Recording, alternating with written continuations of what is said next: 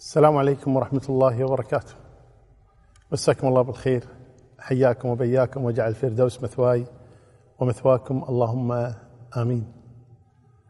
ما زلنا مع هذه الروضة المباركة روضة الدروس العلمية روضة ذكر الله تبارك وتعالى. نختار من زهورها ووردها ما نسعد به في الدنيا ونسعد به عند لقاء ربنا. فأسأل الله تبارك وتعالى الا يحرمني وإياكم الأجر. اللهم آمين. نحن في ليلة الاثنين ليلة الثاني عشر من شهر محرم الحرام لسنة 42 و400 بعد الألف من هجرة النبي الكريم صلى الله عليه وسلم الموافق ليلة الحادي والثلاثين من الشهر الثامن لسنة عشرين وألفين ومع كتاب التوحيد الذي هو حق الله على العبيد للإمام المجدد آه، محمد بن عبد الوهاب بن سليمان الوهبي التميمي رحمه الله تبارك وتعالى المتوفى سنة ست ومائتين بعد الألف من هجرة النبي الكريم صلى الله عليه وسلم. وصلنا إلى الباب الخامس. بسم الله. بسم الله والحمد لله والصلاة والسلام على رسول الله وعلى آله وصحبه ومن والاه. قال شيخ الإسلام الإمام محمد بن عبد الوهاب بن سليمان التميمي رحمه الله باب تفسير التوحيد وشهادة أن لا إله إلا الله وقول الله تعالى أولئك الذين يدعون يبتغون إلى ربهم الوسيلة أيهم أقرب. نعم. قال المؤلف رحمه الله تبارك وتعالى باب تفسير التوحيد وشهادة أن لا إله إلا الله أو تفسير التوحيد وشهادة أن لا إله إلا الله. هذا الباب تقريبا هو بداية الكتاب. يعني ما سبق من الأبواب هي مقدمة لهذا الكتاب. الآن بدأ يذكر حق الله على العبيد. الآن بدأ المؤلف رحمه الله تبارك وتعالى يذكر حق الله على العبيد فبدأ الآن بتفسير التوحيد. أول شيء تحقيق التوحيد أهمية التوحيد خطورة الشرك. الآن بدأ يقول ماذا أريد من هذا الكتاب؟ فالآن بدأ رحمه الله تبارك وتعالى بذكر آه، أبواب التوحيد التي فيما أعلم العلم عند الله جل وعلا لم يسبق إليه. بهذا الترتيب وهذا الجمع بهذه الطريقة رحمه الله سبحانه وتعالى. قول الله تعالى أولئك الذين يدعون يبتغون إلى ربهم الوسيلة أيهم أقرب. لو قرأنا ما قبلها وما بعدها لتبينت آه، يعني مع تبين معنى الآية أكثر. تفضل.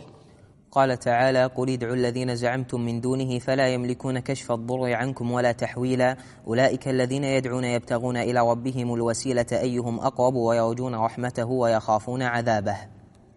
إن عذاب ربك كان محذورا. قل ادعوا الذين زعمتم من دونه. ادعوا الذين زعمتم من دونه. من الذي زعم من دونه؟ كل من عبد غير الله تبارك وتعالى سواء كان برضاه أو بعدم رضاه بعلمه أو بعدم علمه. عندما نقول برضاه أو عدم رضاه آه، نقصد به العقلاء من الجن والإنس والملائكة. وأما بعلمه أو بدون علمه الجمادات التي عبدت من دون الله تبارك وتعالى وهي لا تعلم. والحيوانات كذلك. فممن عبد من دون الله تبارك وتعالى دون رضاه من العقلاء كعيسى بن مريم عليه الصلاة والسلام. اتخذوه إلها من دون الله تبارك وتعالى وقالوا هو ابن الله. ولذا قال الله تبارك وتعالى وإذ قال الله يا عيسى ابن مريم أأنت قلت للناس اتخذوني وأمي إلهين من دون الله؟ قال سبحانك. ما يكون إن ما ما يكون لي أن أقول ما ليس لي بحق. وكذلك الملائكة اتخذت آلهة. من دون الله وقال الملائكة بنات الله. وعزير اتخذ اله من دون الله تبارك وتعالى. وبعض غلاة من ينتسب إلى هذه الأمة أمة محمد صلى الله عليه وسلم أيضا اتخذوا النبي إلها صلى الله عليه وسلم يدعونه من دون الله جل وعلا. فكل من عبد من دون الله من الأنبياء أو الملائكة أو الصالحين فهؤلاء عبدوا من دون الله وهم من العقلاء لكن دون رضاهم.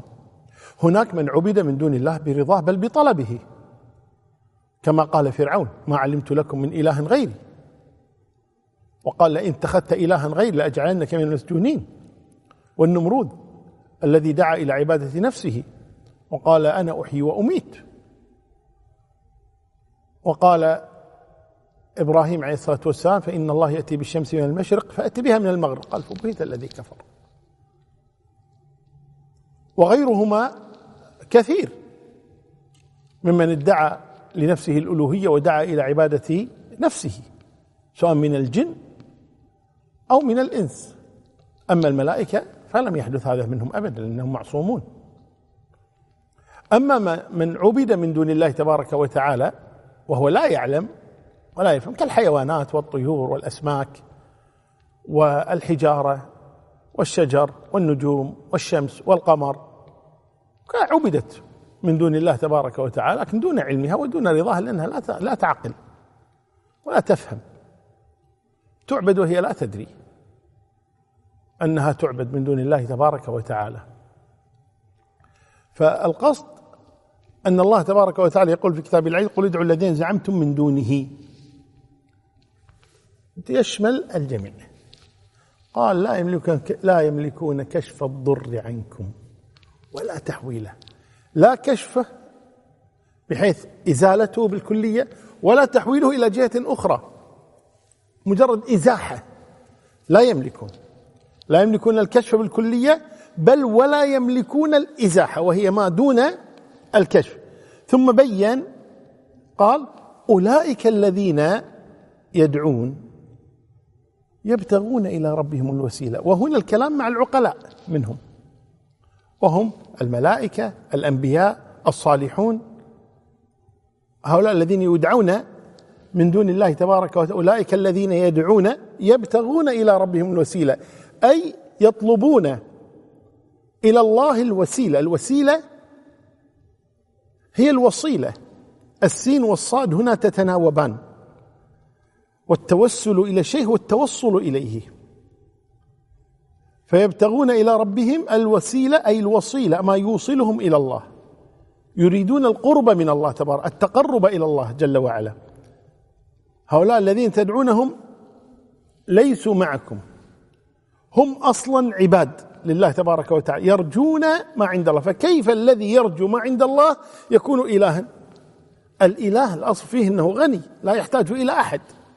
هؤلاء يحتاجون إلى الله بل يسارعون إلى ذلك ويتسابقون إلى مرضاة الله تبارك وتعالى. فكيف يصح أن يكون هؤلاء آلهة من دون الله تبارك وتعالى؟ فهؤلاء إذن يبتغون إلى ربهم الوسيلة أيهم أقرب أي يتنافسون في التقرب إلى الله تبارك وتعالى. ثم قال سبحانه وتعالى ويرجون رحمته ويخافون عذابه. فهنا يقول أهل العلم ذكر الأمور التي يعبد الله تبارك وتعالى من خلالها. الحب الخوف الرجاء.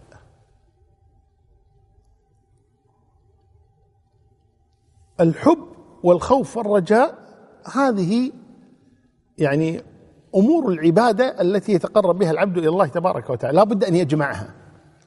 لا بد أن نعبد الله حبا وأن نعبد الله خوفا وأن نعبد الله رجاء. لأن هناك من عبد الله حبا فقط كما قال قائلهم اللهم إني لا أعبدك حبا في جنتك ولا خوفا من نارك ولكن حبا في ذاتك. يقول أهل العلم هذا قول الزنادقة. وهذا خلاف ما أمر الله به وخلاف ما مدح الله به الأنبياء. يدعوننا رغبا ورهبا يدعون ربهم خوفا وطمعا. فالحب لوحده لا يجوز بل لا بد أن يكون معه الخوف والرجاء. هناك من عبد الله بالخوف فقط وهم الوعيدية كالخوارج وأمثالهم بالخوف فقط. هناك من عبد الله بالرجاء فقط. متكي مطمئن بس لا يضر مع الإيمان ذنب. لا يجدون الخوف من الله تبارك وتعالى في قلوبهم. يعتمدون فقط على الرجاء. أما المؤمنون فهم الذين جمعوا الأمور الثلاثة كلها حبا خوفا رجاء. وهنا قال الله تبارك يبتغون إلى ربهم الوسيلة هذا الحب. ويرجون رحمته ويخافون عذابه. بهذا مدحهم الله تبارك وتعالى. ولذا يقول الله تبارك وتعالى والذين تدعون من دون الله ما يملكون من قطمير. قطمير. شيء اليسير جدا. ما يملكون من قطمير. قال إن تدعوهم لا يسمعوا دعاءكم. لأنهم إما غائبون وإما ميتون وإما جمادات أو حيوانات لا تعقل. إن تدعوهم لا يسمعوا دعاءكم. ولو سمعوا ما استجابوا لكم. ويوم القيامة يكفرون بشرككم. يعني أكثر من هذا ماذا؟ لا يسمعوا دعاءكم. والمقصود هنا الأموات. ولو سمعوا لو فرضنا أنهم سمعوا ما استجابوا لكم. بعد ويوم القيامة يكفرون بشرككم لأنهم يبتغون إلى ربهم الوسيلة أيهم أقرب.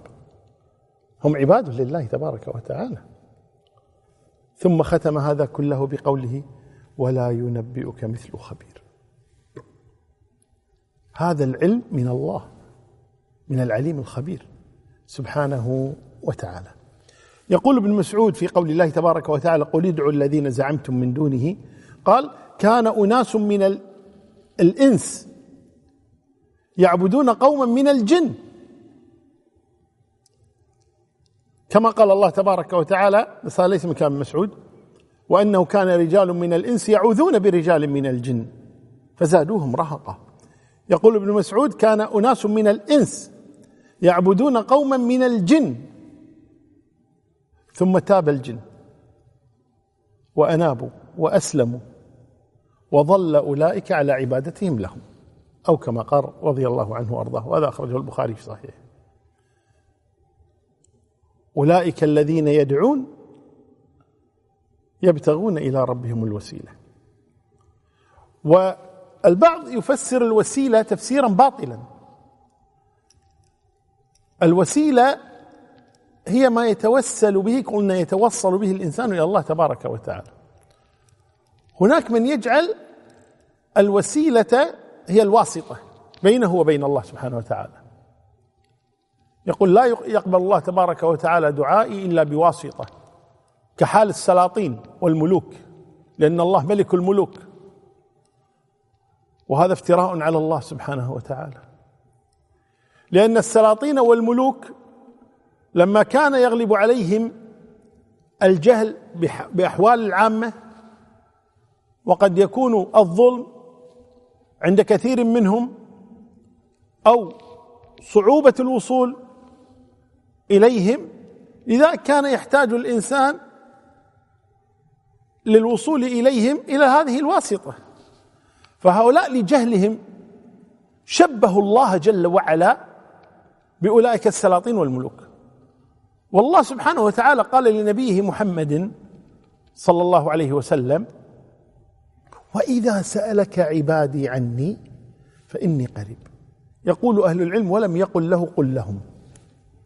كأنه يقول كن جانبا أنا أخاطبهم مباشرة إني قريب. ادعوني أنا مباشرة. هذا عدا الآيات الصريحة ادعوا ربكم يدعوننا رغبا ورهبا. وقال ربكم ادعوني أستجب لكم. مباشرة. الله يقول ادعوني أنا.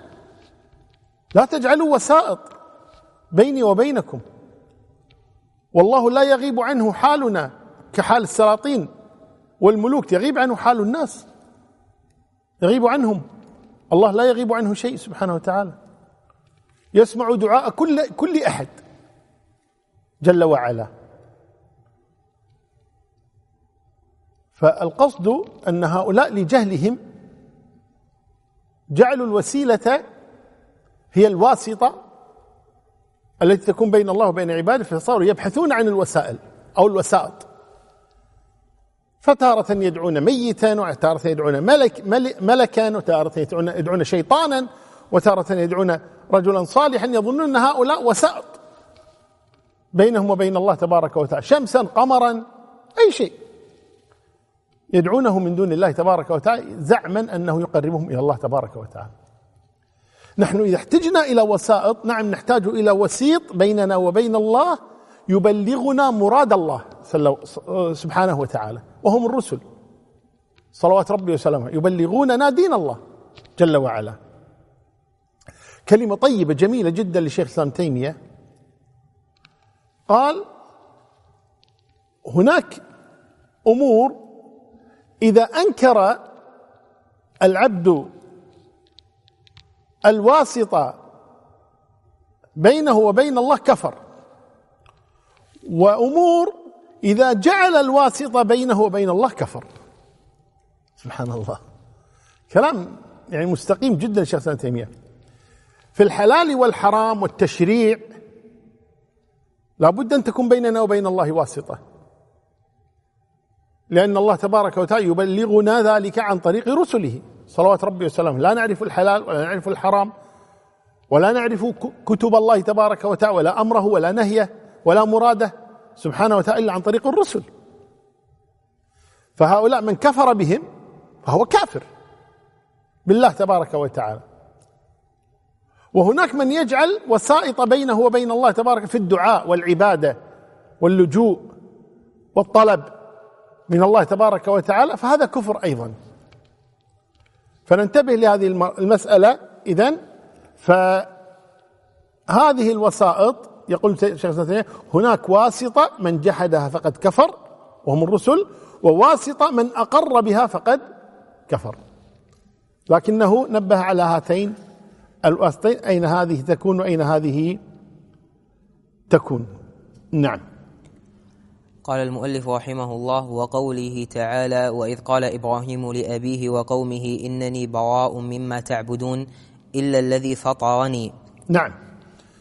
وإذ قال إبراهيم لأبيه أي واذكر يا محمد إذ قال إبراهيم لأبيه وأبوه هو آزر على الصحيح كما قال الله تبارك وتعالى في الآية الأخرى وإذ قال إبراهيم لأبيه آزر وفي الحديث يلقى إبراهيم أباه آزر يوم القيامة. فأبوه آزر يقول الله جل وعلا وإذ قال إبراهيم لأبيه وقومه إنني براء مما تعبدون إلا الذي فطرني.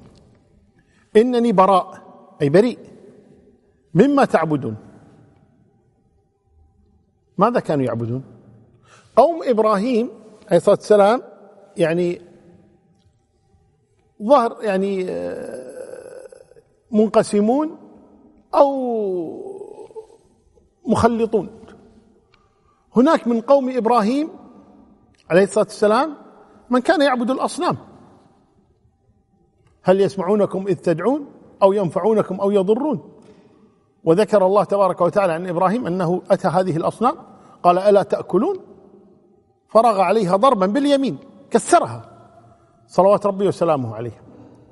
وهناك أيضا ذكر الله عن إبراهيم عليه الصلاة والسلام فلما جن عليه الليل رأى كوكبا قال هذا ربي.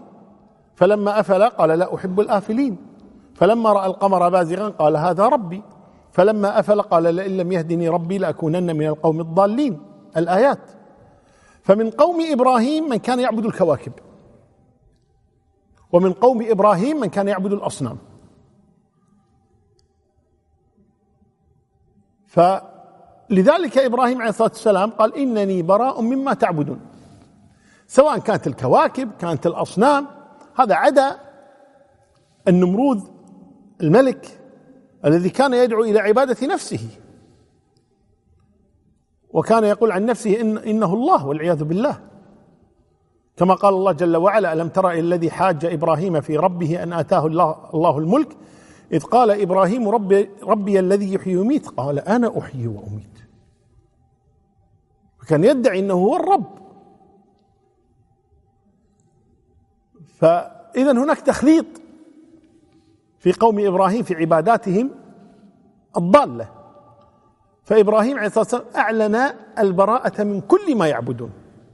ثم قال إلا الذي فطرني. الله أكبر. يقول أهل العلم هذا بالضبط هو معنى لا إله إلا الله. إنني براء مما تعبدون لا إله. إلا الذي فطرني إلا الله. انتهى الأمر. إنني براء مما تعبدون. هذا معنى لا إله إلا الذي فطرني إلا الله. ومنها قول الله تبارك وتعالى واذا اعتزلتموهم وما يعبدون إلا الله. لا إله إلا الله. وقول الله تبارك وتعالى فمن يكفر بالطاغوت ويؤمن بالله. فقد استمسك بالعروة الوثقى. اذا لابد أن تجتمع هذه الكلمة لا إله إلا الله. هذه الجملة المباركة. لا إله إلا الله. هنا قوله إلا الذي فطرني. لماذا ذكر هذا السبب؟ إلا الذي فطرني. اولا قال أهل العلم ليبين أن الله مستحق للعبادة لأنه هو الذي فطره. هو الذي خلق الخلق. خلق رزق أحيا. أعطى كل شيء خلقه ثم هدى جل وعلا. إذا ذكر الفطره وهو الخلق ليدلل على أن هذا هو الذي يستحق أن يعبد الذي فطر سبحانه وتعالى. وذكرها أيضا حتى يبين لهم أن ما تدعون من دون الله لا تستحق أن تعبد لأنها لا تفطر لا تخلق. فهو إذا اختار هذه الكلمة إلا الذي فطرني ليبين أن من فطر يعبد ومن لم يفطر لا يعبد. بهذا يستحق هذا العبادة وذاك لا يستحق أن يعبد. نسال الله تبارك وتعالى جعلنا وإياكم ممن يعبد من فطره سبحانه وتعالى. نعم. قال المؤلف رحمه الله وقوله اتخذوا أحبارهم ورهبانهم أربابا من دون الله. نعم. اتخذوا أحبارهم ورهبانهم. هذا يصدق على اليهود والنصارى. والحبر عنده هو العالم. والرهبان هم العباد. الأحبار مشهور عند اليهود والرهبان عند النصارى. ولذا آه، في تفسير سفيان بن عيينة رضي الله عنه قول الله تبارك وتعالى غير المغضوب عليهم ولا الضالين. قال المغضوب عليهم اليهود والضالون هم النصارى. من فسد من علمائنا فهو يشبه اليهود ومن فسد من عبادنا فهو يشبه النصارى. هنا قوله اتخذوا أحبارهم ورهبانهم أربابا من دون الله. الأحبار واحدهم حبر ويقال حبر وكلاهما صحيح.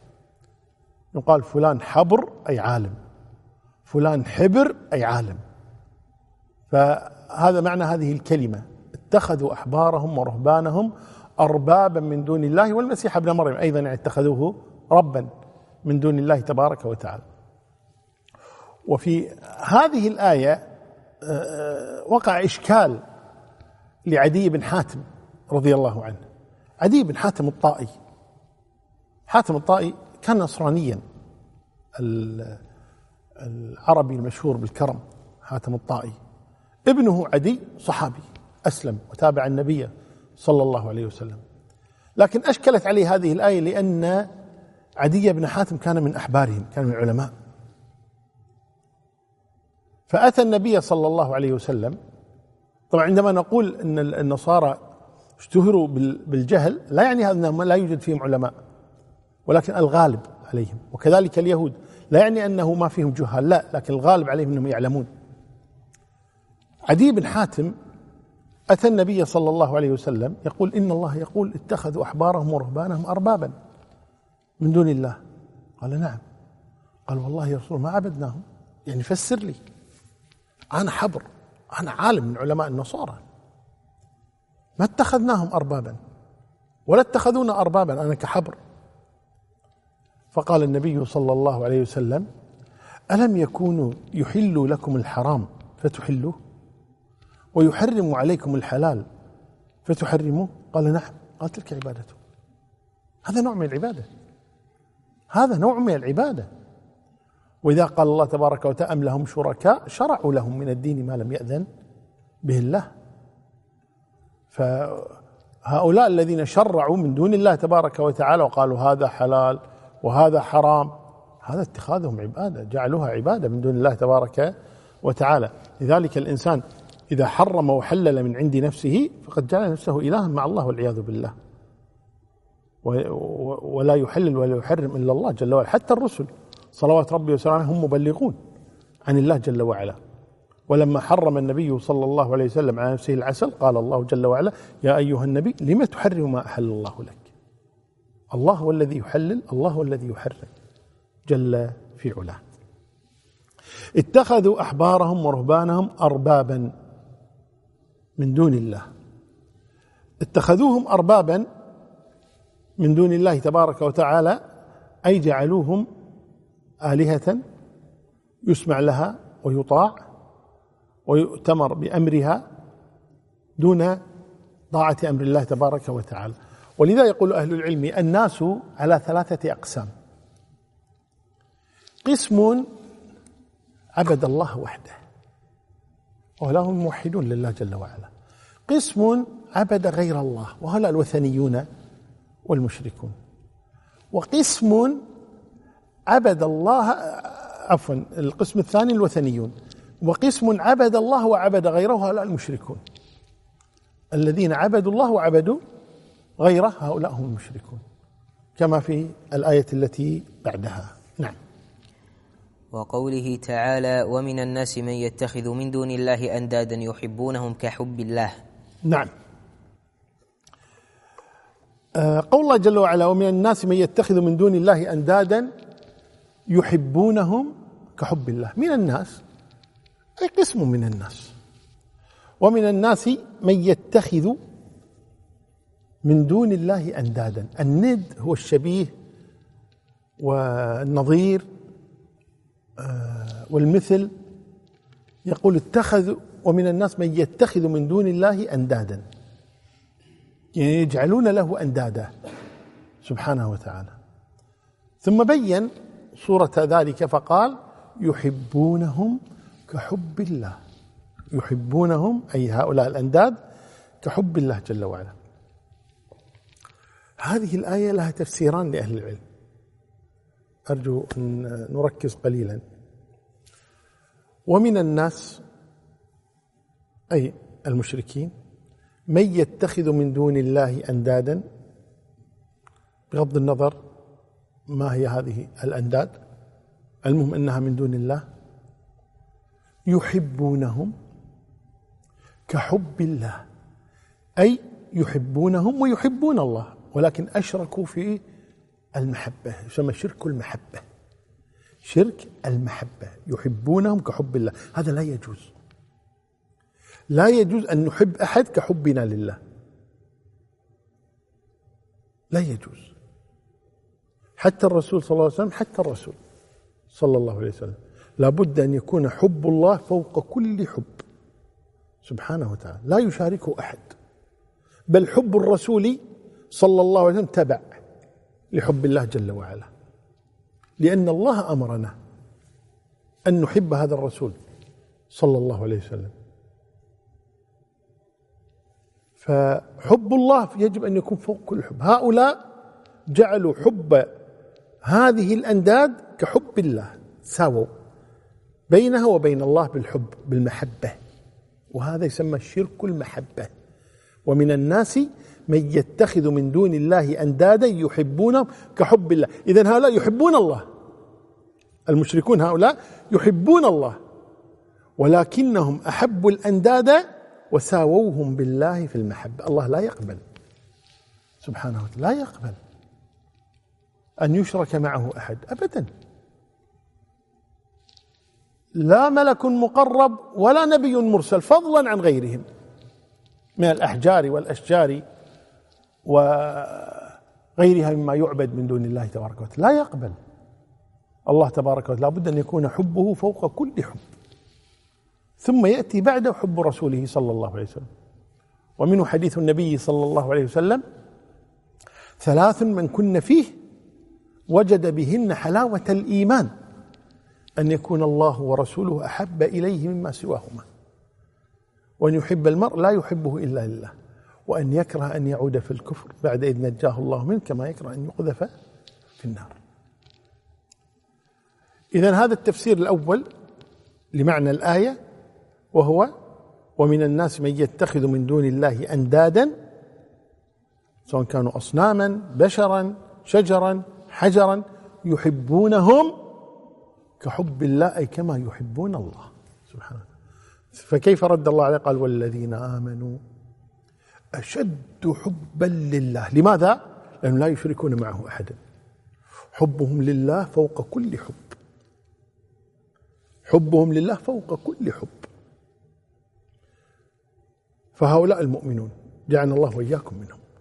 اذا فرق الله بين المؤمنين وبين المشركين أن المشركين يحبون الله لكن يحبون أندادهم كحب الله. شرك المحبة. أما المؤمنون فحب الله فوق كل حب عندهم هذا المعنى الأول للآية. المعنى الثاني لهذه الآية الكريمة يقول أهل العلم ومن الناس من يتخذ من دون الله أندادا يحبونهم كحب الله أي كالحب الذي يجب لله. وهم لا يحبون الله أصلا. هم لا يحبون الله. ولكن يحبون هذه الأنداد حبا شديدا كالحب الذي يجب أن يصرف إلى الله فهم لا يحبون الله أصلا. ولكن شبه المحبة بالمحبة لا المحبوب بالمحبوب. قال يحبونهم كحب الله أي كالحب الذي يجب أن يكون لله سبحانه وتعالى. وبناء على هذا يتغير معنى الآية التي بعدها. والذين آمنوا أشد حبا لله أي يحبون الله أكثر من محبة أولئك لأصنامهم وأندادهم ومعبوداتهم. هذا بالنسبة لهذه الآية وهي قول الله تبارك وتعالى من الناس من يتخذ من دون الله أندادا يحبونهم كحب الله. والدليل على أن هذا كفر ما جاء بعده من الآيات وهو قول الله تبارك وتعالى ومن الناس من يتخذ من دون الله أندادا يحبونهم كحب الله. والذين آمنوا أشد حبا لله. ولو يرى الذين ظلموا إذ يرون العذاب أن القوة لله جميعا. وأن الله شديد العذاب. إذ تبرأ الذين اتبعوا من الذين اتبعوا ورأوا العذاب وتقطعت بهم الأسباب. وقال الذين اتبعوا لو أن لنا كرة فنتبرأ منهم كما تبرأوا منا. كذلك يريهم الله أعمالهم حسرات عليهم وما هم بخارجين من النار. والذي لا يخرج من النار هو المشرك الكافر. هو المخلد. الذي لا يخرج من النار أبدا والله المستعان. فالقصد إذن ومن الناس من يتخذ من دون الله أندادا يحبونهم كحب الله. ويدخل في هذا قول النبي صلى الله عليه وسلم تعس عبد الدرهم.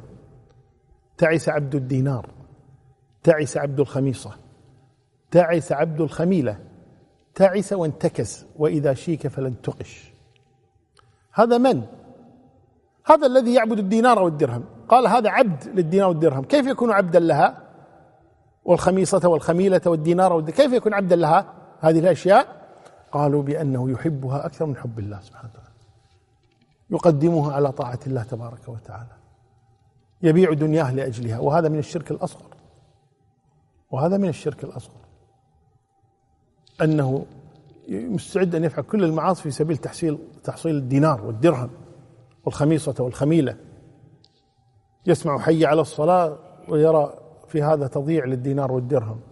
فيفوت حي على الصلاة لكي يحصل الدينار والدرهم. هذا عبد للدينار والدرهم. عبد للخميصة والخميلة كلها من أنواع الثياب. لأنه اتخذها أو قدمها على أمر الله تبارك وتعالى. نعم. قال المؤلف رحمه الله وفي الصحيح عن النبي صلى الله عليه وسلم أنه قال من قال لا إله إلا الله وكفر بما يعبد من دون الله حرم ماله ودمه وحسابه على الله وشوح هذه الترجمة ما بعدها من الأبواب. نعم. قالوا في الصحيح عن النبي صلى الله عليه وسلم أنه قال من قال لا إله إلا الله وكفر بما يعبد من دون الله حرم ماله ودمه وحسابه على الله. في الصحيح صحيح مسلم. من قال لا إله إلا الله وكفر بما يعبد من دون الله. لأن هناك من يقول لا إله إلا الله ولا يكفر بما عبد من دون الله. يقول لا إله إلا الله. لكنه لا يكفر بما يعبد من دون الله. فيشرك مع الله غيره. سبحانه وتعالى. فيقولها ولا يدري ما معناها. ولذا قال بعضهم يعني مشرك العرب كانوا يعني أعلم بهذا. وقد جاء عن أبي جهل أنه أتى النبي صلى الله عليه وسلم قال يا محمد آذيتنا في أموالنا وأهلينا وأولادنا فماذا تريد؟ قال له النبي صلى الله عليه وسلم أريد كلمة. استغرب أبو جهل. كل هالمشاكل اللي مسويها لنا عشان كلمة لأجل كلمة. قال كلمة؟ قال نعم. قال وأبيك أعطيك مئة كلمة. وينتهي الأمر؟ خلاص؟ تريد كلمة؟ أنا أعطيك مئة. ماذا تريد بعد؟ قال قولوا لا إله إلا الله. بس ما بشيء قولوا لا إله إلا الله. فقال أبو جهل أما هذه فلا. لماذا؟ لأنه وأمثاله يقولون أجعل الآلهة إلها واحدة ما يقبلون هذه الكلمة صعبة عليهم. لأنه يفهم أنه إذا قال لا إله إلا الله أنه لا يدعو إلا الله لا يرجو إلا الله لا يخاف إلا الله لا يعبد إلا الله لا لا يأخذ الأمر والنهي إلا من الله. معناها صار مسلما. هو لا يريد هذا لا يقبل ذلك. الآن يقول النبي صلى الله عليه وسلم من قال لا إله إلا وكفر بما دون الله تبارك وتعالى. ما يعبد من دون الله تبارك وتعالى. كفر ما يعبد من دون الله. هؤلاء الآن دعاة وحدة الأديان.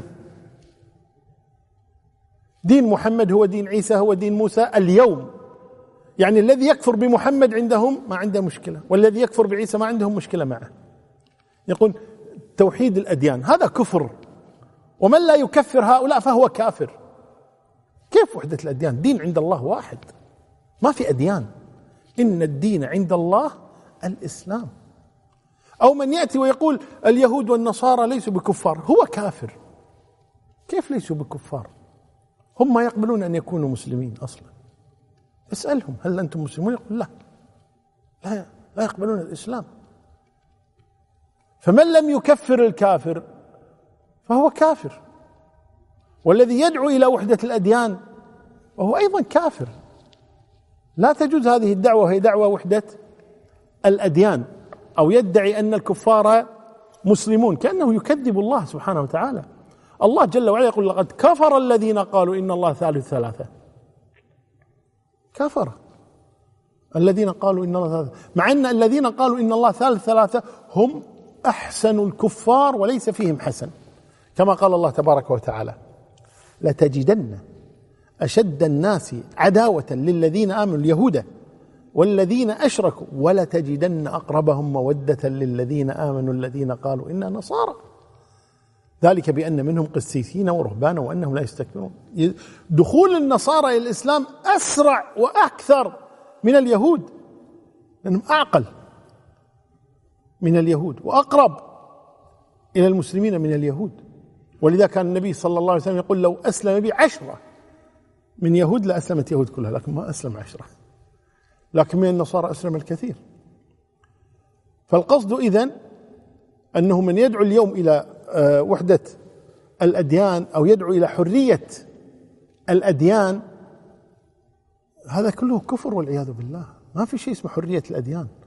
الله جل وعلا يقول وما خلقت الجن والإنس إلا ليعبدون يعبدوني أنا. كيف حرية الأديان؟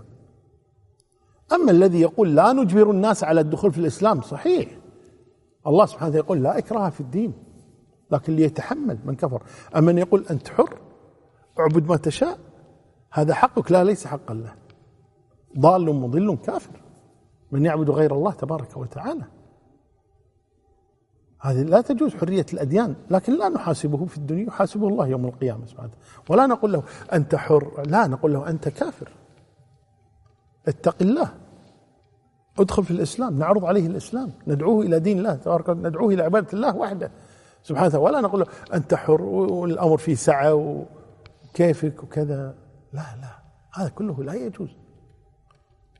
فعلينا أن ننتبه لهذا الأمر والله المستعان. قوله حرم ماله ودمه لأن علينا الظاهر. قد يكون منافقا يدعي شيئا خلاف ما في قلبه قال حسابه على الله. يعني حساب ما يعتقد على الله لأن الله هو الذي يعلم ما في قلبه لكن نحن نعامل الناس بما يظهرون فقط. هذا المطلوب منا. قال وشرح هذه الترجمة وما بعدها آه، ما بعدها من الأبواب. يعني الأبواب التي تأتي. وإذا قلنا الآن بدأ يعني الكتاب وهو آه، أنواع العبادات التي تصرف لغير الله تبارك وتعالى. والله أعلى وأعلم. وصلى الله وسلم وبارك على نبينا محمد. نشوف الأسئلة الآن.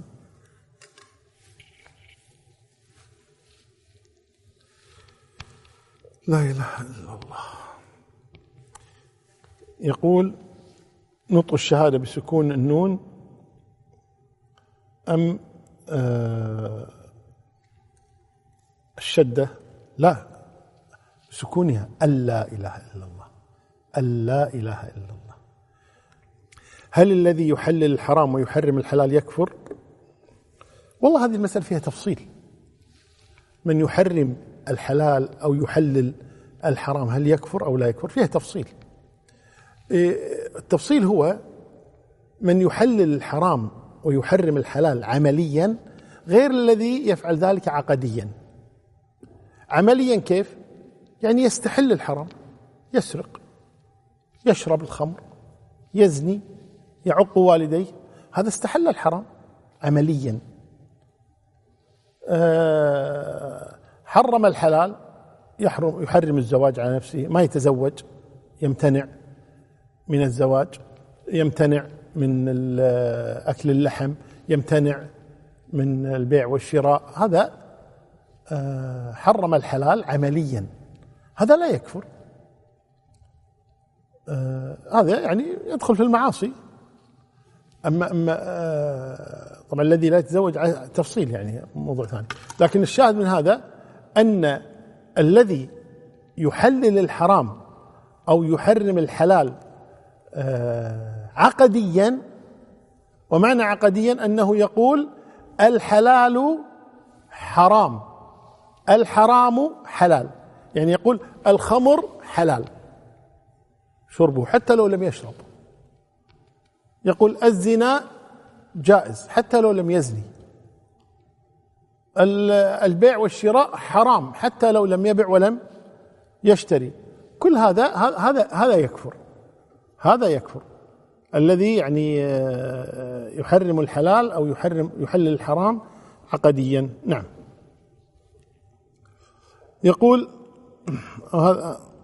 حق الأب إذا توفي الأب إذا توفي وكان عليه دين. ونريد نصيحة إذا كان عليه دين هل يجوز تأخير سداد الدين؟ وكيف إذا كانت تدخلات خارجية؟ في تأخير الورث. الأصل الأصل في الميراث أن يعجل والديون أهم شيء. يعني الآن إذا مات الميت تتعلق بتركته حقوق. يقول أهل العلم أربعة حقوق تتعلق بتركة الميت. الحق الأول هو حق الميت. من شراء القبر من شراء الكفن من شراء الحنوط والطيب وغير ذلك من أجرة المغسل أجرة المكفن هذه كلها تؤخذ من التركة. إلا إذا كان في بعض البلاد مثلا الحكومة توفر كل هذه الأشياء كما عندنا في الكويت ولله الحمد والمنة ما ما يتكلف شيئا. الذي يموت له ميت ما يتكلف شيئا. القبر بدون مقابل التغسيل موظفون يأخذون راتب من الدولة المكفنون كذلك الطيب والكفن وكذا أيضا الحكومة توفره لمن يريد. فهنا حق الميت هذا. الحق الثاني هو الديون التي على الميت. والديون هذه التي على الميت تنقسم إلى قسمين. ديون لله وديون للناس. ديون الله تبارك وتعالى هي الكفارات النذور الزكاة الحج. هذه ديون الله إذا ما إذا كان لم يحج حجة الفريضة. فهذه تؤخذ من تركته قبل أن تقسم على الورثة حقوق الله سبحانه وتعالى. ثم الديون التي هي حقوق الناس. فلان يطالب ألف فلان يطالب ألفين فلان يطالب مئتين فلان يطالب ثلاثمائة. تعطى للناس ديونهم حقوقهم حتى لا يتعلق برقبته شيء. وهذه يعجل بها. يعجل بها. الحق الثالث وهو الوصية إذا كان قد أوصى سواء أوصى بالثلث أوصى بالخمس أوصى بالربع. أوصى بالعشر المهم وصية الميت. تنفذ وصية الميت. الحق الرابع حق الورثة. يقسم المال على الورثة. ولا يجوز تأخير أي من هذه أبدا. لا يجوز تأخير آه، حق الميت اللي هو دفنه وتغسيله وتكفينه. ولا يجوز تأخير حق الله تبارك وتعالى وحق الدائنين. بل يجب أن تسدد مباشرة. ولا يجوز تأخير الوصية. التي أوصى بها الميت تنفذ فور موته. ولا يجوز تأخير تقسيم التركة بل تنفذ مباشرة. وبعض الناس يتساهل في مثل هذه هذه الأمور. وأحيانا يكون بعض الورثة محتاج لبعض المال وباقي ويستحي أن يتكلم. يقول أريد حقي أريد يستحي. يمكن لو قال أريد حقي آه أنت تتمنى موتة الوالد تتمنى موتة الوالدة بس همك حقك فيستحي ويسكت. فعلى المسؤولين الكبار من الورثة أن يتقوا الله تبارك وتعالى في هذه المواريث وأن يقسموه مباشرة ولا يؤخروا تقسيمها. ولا يجوز لأحد أن يتدخل من الخارج من غير الورثة كعم أو خال أو زوج أو زوجة أي طرف خارجي. لا يجوز له أن يتدخل بحيث يؤثر على بعض الورثة ويتأخر بذلك توزيع التركة. لا يجوز. فعلينا أن نتقي الله تبارك وتعالى في أمواتنا ونتقي الله تبارك وتعالى في أحيائنا. والله أعلى وأعلم. السلام عليكم ورحمة الله وبركاته.